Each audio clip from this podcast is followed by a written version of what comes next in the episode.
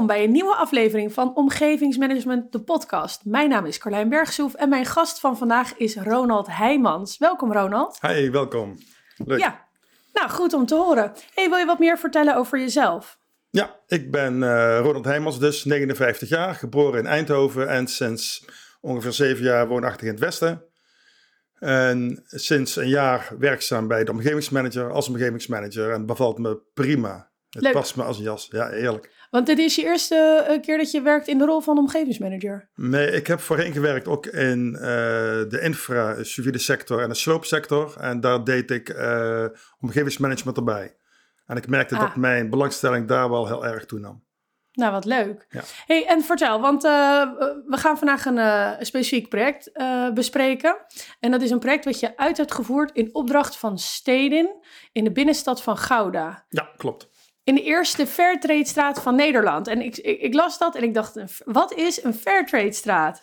Oh ja, die vraag had ik dus niet verwacht. Eh, het, is al, het is een beetje de eerlijke handel. Dit, zijn in dit geval zijn het allemaal ehm, zelfstandigen, kleine zelfstandigen, die in eh korte, lange Groenendaal eh, hun bedrijfje hebben, hun winkel hebben. En dat is van een kledingzaak tot een hobbyzaak, tot mineralen, een biowinkel, een bakker, een wijnhandel. Allemaal kleine zelfstandigen. Gewoon kleine Ja, ondernemers. superleuk straatje, heel vriendelijk, gezellig. Ja, Nou, klinkt goed. ja, En jullie hebben geprobeerd om die Fairtrade-straat nog mooier te maken. ja ehm, eh, alleen onder de grond. Ah, Ja, dat was meteen ook een van de boodschappen die ik de mensen gaf. We komen heel veel hinder veroorzaken. Je krijgt overlast en je krijgt er niks voor terug. Niks zichtbaars voor terug. niks zichtbaars. Ja, en dat heb ik wel ook eh, overal wel heel duidelijk vermeld van krijg geen andere verwachtingen, want in Gouda gaat veel meer gebeuren. Eh, er komt nog nieuw riool, er komt nieuwe bestrating. Dus wij kwamen ook echt alleen maar de leidingen vervangen in de bodem. Het ging om een eh, drinkwater en een eh, gasleiding, toch? Ja, ja, en het grootste deel was het beide, dus drinkwater en gas. En dat trokken we samen op met Oase. En ook een deel was alleen maar gas. Oké. Dus je kwam in een straat met allemaal kleine ondernemers, de boel overhoop halen. En wat wonnen die mensen er nou eigenlijk bij? Niks zichtbaars. Hoe heb je dat aangepakt? Ehm, ik heb eerst een eh, analyse gemaakt van eh, de straat zelf en ook de omgeving. Want er zit tussen de lange en gro- korte Groenendaal zit ook een oversteek. Daar zou later ook een zebrapad eh, moeten worden aangelegd. Dus ik heb wel even gekeken van wie krijgt er allemaal last van. Wat zijn nog meer stakeholders behalve de winkeliers en de Groenendaalkwartier zelf. Dus ook een Albert Heijn, die kreeg daar later mee te maken. Dus die heb ik allemaal in beeld gebracht. En omdat ze in principe ehm, niet, het waren geen grote aantallen van winkeliers, dus ik heb ze allemaal persoonlijk bezocht. En eh, met de mensen persoonlijk praatje gemaakt. Eh, Gegevens uitgewisseld, want ik wilde eh, in dit geval heel graag communiceren per e-mail. Dus ik heb bedacht om elke week de winkeliers te bezoeken en elke week ook per e-mail een update te sturen, een soort van nieuwsbrief. En hoe, hoe beviel dat? Welke reacties kreeg je? Ehm, het begon een klein beetje moeizaam, maar dan moet ik even uitleggen. De, de aannemer waar ik voor werkte, zeg maar, Steden heeft het werk overgedragen en opdracht gegeven aan Van Voskuilen. En Van Voskuilen was de tweede partij die daar in het centrum aan het werk was. Er is een aannemer geweest die daar van het werk af was gezet ehm, door de gemeente en door Steden. Als gevolg van eh, ja, slechte prestaties in communicatie en uitvoering. Dus dan start je niet op nul. Nee, we starten eigenlijk op min 1, min 1,5. Dus ehm, ik kende Van Voskuilen toen nog niet als aannemer. Dus we hebben van tevoren wel goede gesprekken gevoerd. En ik kreeg daar wel een heel goed gevoel bij. En achteraf is het gewoon fantastisch verlopen. Het is een hele fijne partij, dus dat maakt mijn rol ook wat makkelijker. Eh, ik had eh, meerdere keren per week eh, contact met de uitvoerder en met de voorman. Zodat ik precies wist wat er speelde elke week. Ik maakte minimaal één keer per week een ronde door de straat. En dan bezocht ik de winkeliers eh, die op dat moment hinder voor, eh, hadden van de werkzaamheden. Hè, met van die loopbrugjes, je kent het wel. Mhm. En ik bezocht ook altijd eh, de winkels die de week daarna weer aan de gang kwamen. En ik had altijd een vast aantal adressen waar ik sowieso kwam. Om eventjes te horen van wat is de teneur in de straat. Ik bedoel, Dus als ik jouw geheim zo hoor, dan is het geheim heel veel persoonlijk contact. in dit geval alleen maar, ja, ja, ja heel veel persoonlijk contact. En laagdrempelig ook. Ja, absoluut. Ik, ja, ik heb me dan gewoon eh, die hele periode heel thuis gevoeld.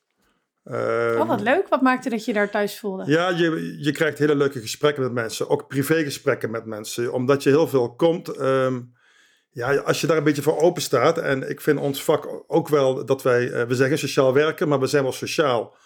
En uh, als je je eigenlijk daarvoor openstelt, heb je hele leuke verhalen. En die verhalen maken ook aan, aan mijn kant dat ik heel leuk werk heb. Maar het maakt aan de andere kant van de tafel dat mensen vertrouwen hebben in mij en in het project. En Ja. dan, eh, ik wil niet zeggen dat je daar altijd fluitend doorheen loopt, maar dat scheelt absoluut wel heel erg veel. Ik denk vooral vanuit de aannemerij, als je altijd alleen maar strak in het pak aankomt en super eh, professioneel en zakelijk bent, dan ga je het gewoon eigenlijk niet redden, denk Nee, ik. Vooral nee. niet omdat je bij mensen aan de keukentafel zit en omdat je ook heel veel eh, persoonlijk van ze vraagt.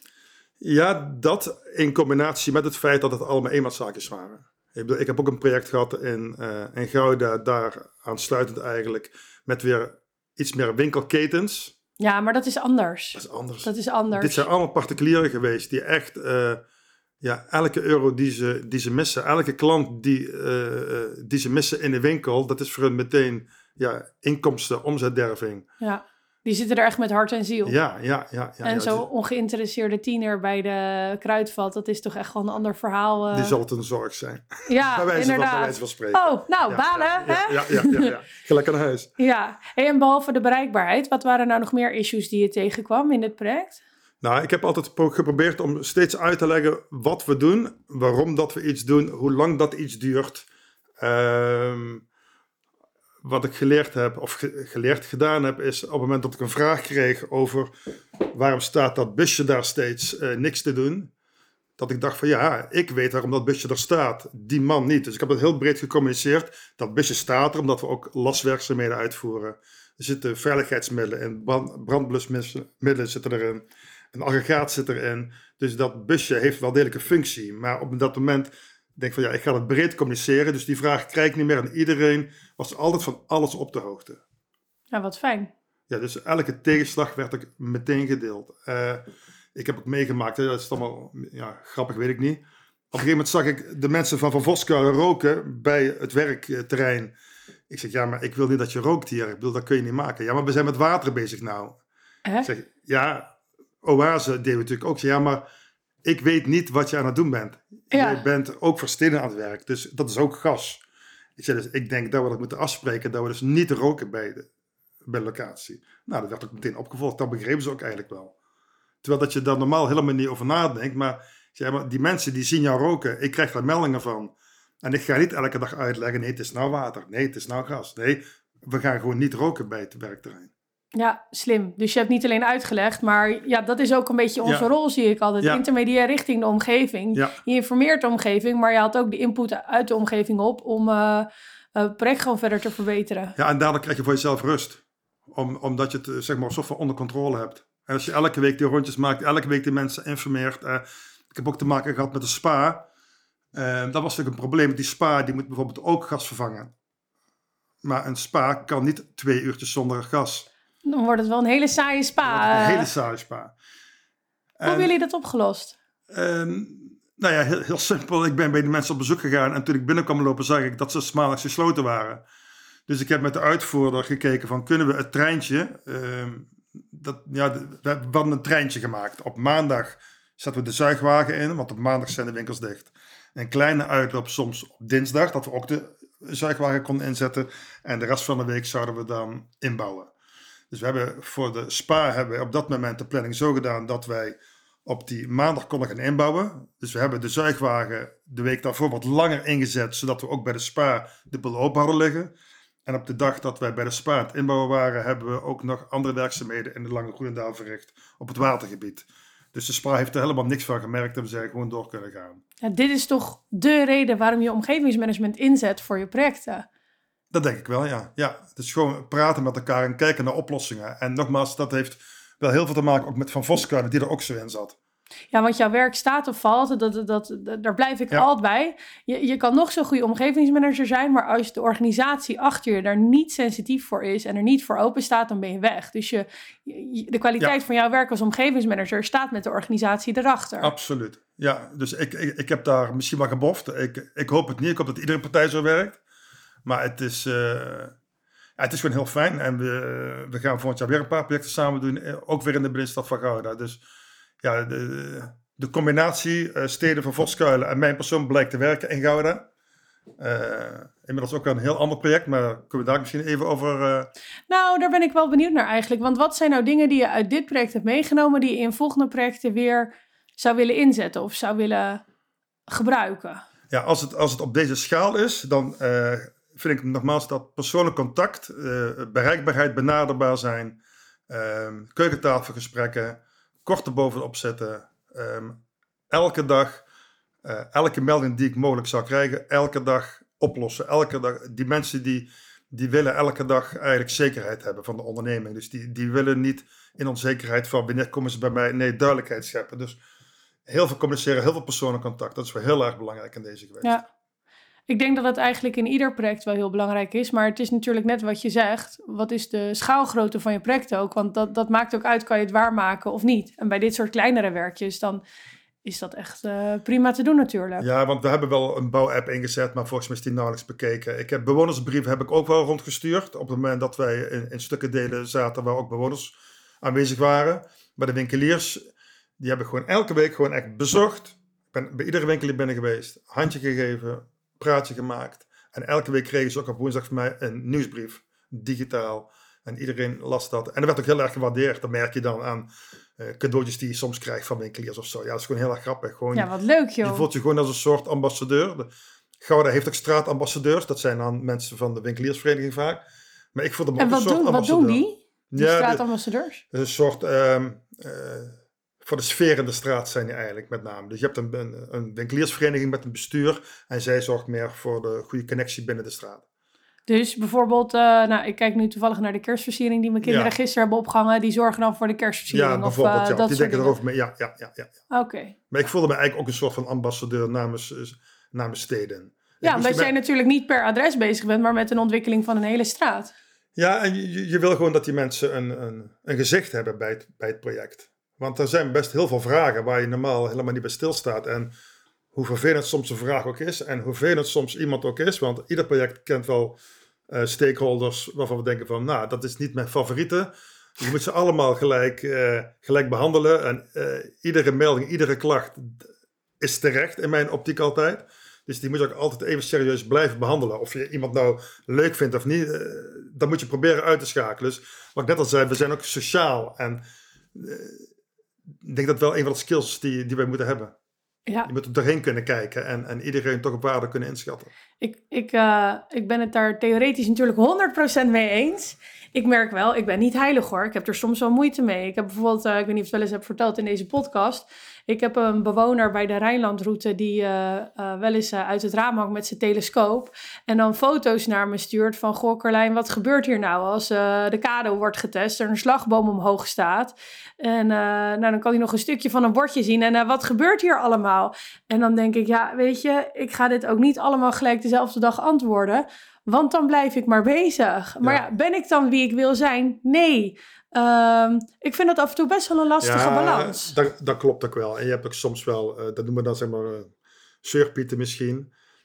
Uh, een beetje afhankelijk van, van de klacht neem ik ze wel allemaal serieus. Maar je hebt gelijk, soms dan, dan heb je te maken met een soort van zeurpieten. En als je daar de focus op legt, dan kom je inderdaad niet meer aan je werk toe. Dat ben ik al met je eens. Maar het is een beetje afhankelijk van je, van je project. Ja, nou, idealiter ben ik het wel met je eens. Ja. Ik heb ook wel eens klachten gehad van mensen waar ik het eerste gezicht dacht van... ja, wat moet ik hier nou mee, weet je wel? Geluidsklachten van mensen die heel ver weg zaten. En dan belde ik ze op en dan bleken ze uh, gevoelig te zijn voor, la voor laagfrequente geluiden. En uh, namen ze echt helemaal de tijd om er mee te nemen. Van, goh, wat betekent dat nou? En wat is dat? En hoe merk je dat? En, en dan zit er echt een wereld achter. Ja. Maar dan vind ik iemand geen zeiker. Dan heeft iemand echt Precies. een verhaal. En dan zegt het meer iets over een, een stukje van de wereld waar ik niks van weet... dan over diegene. En dan is het wel boeiend. Maar ja, het blijft toch een beetje balanceren, vind ik soms. Ja, hoe ga je, je, om met klachten? Ja, maar je, je moet je daar dan ook wel inderdaad in verdiepen. Inderdaad. En uh, op voorhand uh, iedereen serieus nemen. Zo bedoel ik het ja, eigenlijk. Natuurlijk. Uh, maar ja, inderdaad, achteraf ga je dat op een weegschaal leggen. Denk, ja. Maar goed, um, in Gouden is het eigenlijk wel heel erg goed gegaan. En ehm, over het algemeen eigenlijk, ik heb eigenlijk bijna geen klachten gehad daar ook niet. Het zijn meer vragen geweest, een paar schadegevalletjes die, die, die je oplost. Uh, ja, en wat ik net zei, het, het heeft ook zo'n weerwerking gehad op een ander project wat ik ga doen. Omdat uh, blijkbaar het functioneren in Gouda positief was, dat dat ook uitstraalde naar een andere partij. Dus daar ga ik volgend jaar weer een ander Leuk. project in binnen houden. Ja, dat is ook wel heel bijzonder. Ja, dat is hoe het ook met je gaat als omgevingsmanager. Ja, als je ja. eenmaal lekker bezig bent Ja. ergens en je kent de mensen, dan, eh, dan gaan de domino-steentjes vallen. Ja, ja gauw, dat is van mij, hè? Ja, ja, ja, ja. Ah, jammer. Ik vind Gouda wel een mooie stad. Ja, Ja, helaas. nee, helaas, inderdaad. Oké, Gouda is teken. Ja, ja. Hey, ehm, ik eindig altijd de podcast met de vraag: eh, wat zou jij andere omgevingsmanagers willen meegeven ter inspiratie? Ja, ik denk waar we het net een beetje over hebben gehad. Dat je, ehm, ik ken omgevingsmanagers die gewoon eh, die het heel druk hebben. En die wel eens ooit tegen me zeggen van ik zou willen dat ik, of ik zou willen dat. Ehm, ja, misschien als ik het even ehm chargeer. Ik zou willen dat ik ook zoveel tijd kon spenderen aan mijn stakeholders. En dan denk ik van ja, dat is dan toch een inrichting van je, van je eigen werk. Ik vind dat iedere stakeholder dat verdient. Het is natuurlijk altijd wel projectafhankelijk. Maar de manier zoals ik het in Gouda heb gedaan, denk ik dat het zo zou moeten. Je kunt dat niet afdoen met eh één keer in de maand een bonusbrief. Dat is voor die mensen, het, het is veel te, veel te puur voor die mensen. Die, ehm, ze zijn direct zo betrokken dat die een andere aanpak eh, verwachten en ook eh, verdienen, denk ik. Dus ehm, dat persoonlijke aandacht, daar moet je dan wel tijd voor nemen. Ja, Maar daardoor krijg je denk ik wel een project met heel veel rust voor de stakeholders. Ehm, je komt ook echt heel dichtbij met dit project eh, Ja. bij de mensen, Ja. bij hun eh, ja, bestaanszekerheid eh, als ondernemer. Ja. Dus dan is dat inderdaad heel fijn en mooi als je het zo kan inrichten dat je daar ook echt gewoon Ja, heel veel en, persoonlijke tijd en aandacht aan Ja, besteedt. want eh, je kunt ook zeggen, nou voor die winkelier, die had bepaalde wensen van, oh kan misschien, als jullie toch aan het herinrichten zijn, komt mijn prullenbak dan een meter naar links. Nou, dat doen we. Eh, kan, ik, kan ik een stalen rijplaat krijgen in plaats van de kunststof, want ik krijg nogal zware vrachten binnen. Regelen we. Ik wil er twee. Als je met die mensen praat en ze merken dat er wisselgeld is, dat, ze, dat ons helemaal niks kost. Maar als je op voorhand al met die mensen in gesprek gaat, dan zeggen we, weet je, alles wat wij aan vragen hadden is beantwoord. En alles wat wij te wensen hadden, dat is ingevuld.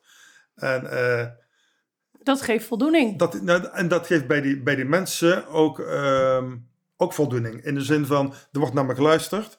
Ja. En de verhalen die ik heb gehoord van de vorige aannemer, weet je, daar heb ik helemaal niks mee te maken. Zoals het nou gaat, is het perfect. En dat doet Van Voskuilen met name zelf ook natuurlijk. Ja. Nou ja, en als ik het zo hoor, want we begonnen de podcast van, goh, we gaan veel overlast veroorzaken. En eh, u krijgt er niet echt iets zichtbaars voor terug. Maar dan heb je toch wel echt gewerkt aan beperken van de overlast. En waar mogelijk kleine dingetjes Ja. toch zichtbaar terugbrengen. Ja, ja, ja. En ik moet zeggen, eh, al- als laatste, dat wordt eigenlijk, eh, dat hebben we eigenlijk helemaal vergeten. Uiteindelijk komt er een stratenmaker, die komt dus de, straat weer eh, bestraten. En dat was achteraf ook een perfecte partij. Die heeft dus zo mooi werk afgeleverd. Want die heeft gewoon heel mooi gestraat. Of wat Ja, maakte mooier- die partij? Mooier dan eh, dat het was. Ah. Ja, Ja, dus toch nog zichtbaar Ja, ja, ja. resultaat. ja, we hadden ook nog te maken met de stolpersteinen. Dat, dat fenomeen ken je denk ik De wel. wat? De stolpersteinen. Nee. Dat zijn kleine eh, steentjes, bronsachtige kleur, die ehm, in, voor bepaalde woningen liggen in Nederland. En Gouda heeft, heeft er ook een aantal. ehm, ter nagedachtenis aan eh, Joden die zijn omgekomen in de Tweede, Tweede Wereldoorlog, die bij de woningen hebben gewoond. Oh. Dus die zijn eigenlijk door Van Voskuilen gefotografeerd, opgenomen en later door de stratenmaker weer ingelegd. Oh, wat mooi. Dus daar had ik ook goed contact met, de- met, de- met, met de stichting die dat dan een beetje beheert. Dat is ook weer heel dierbaar dat je dat dan op die manier ook weer in je werk tegenkomt. Ja. Ja.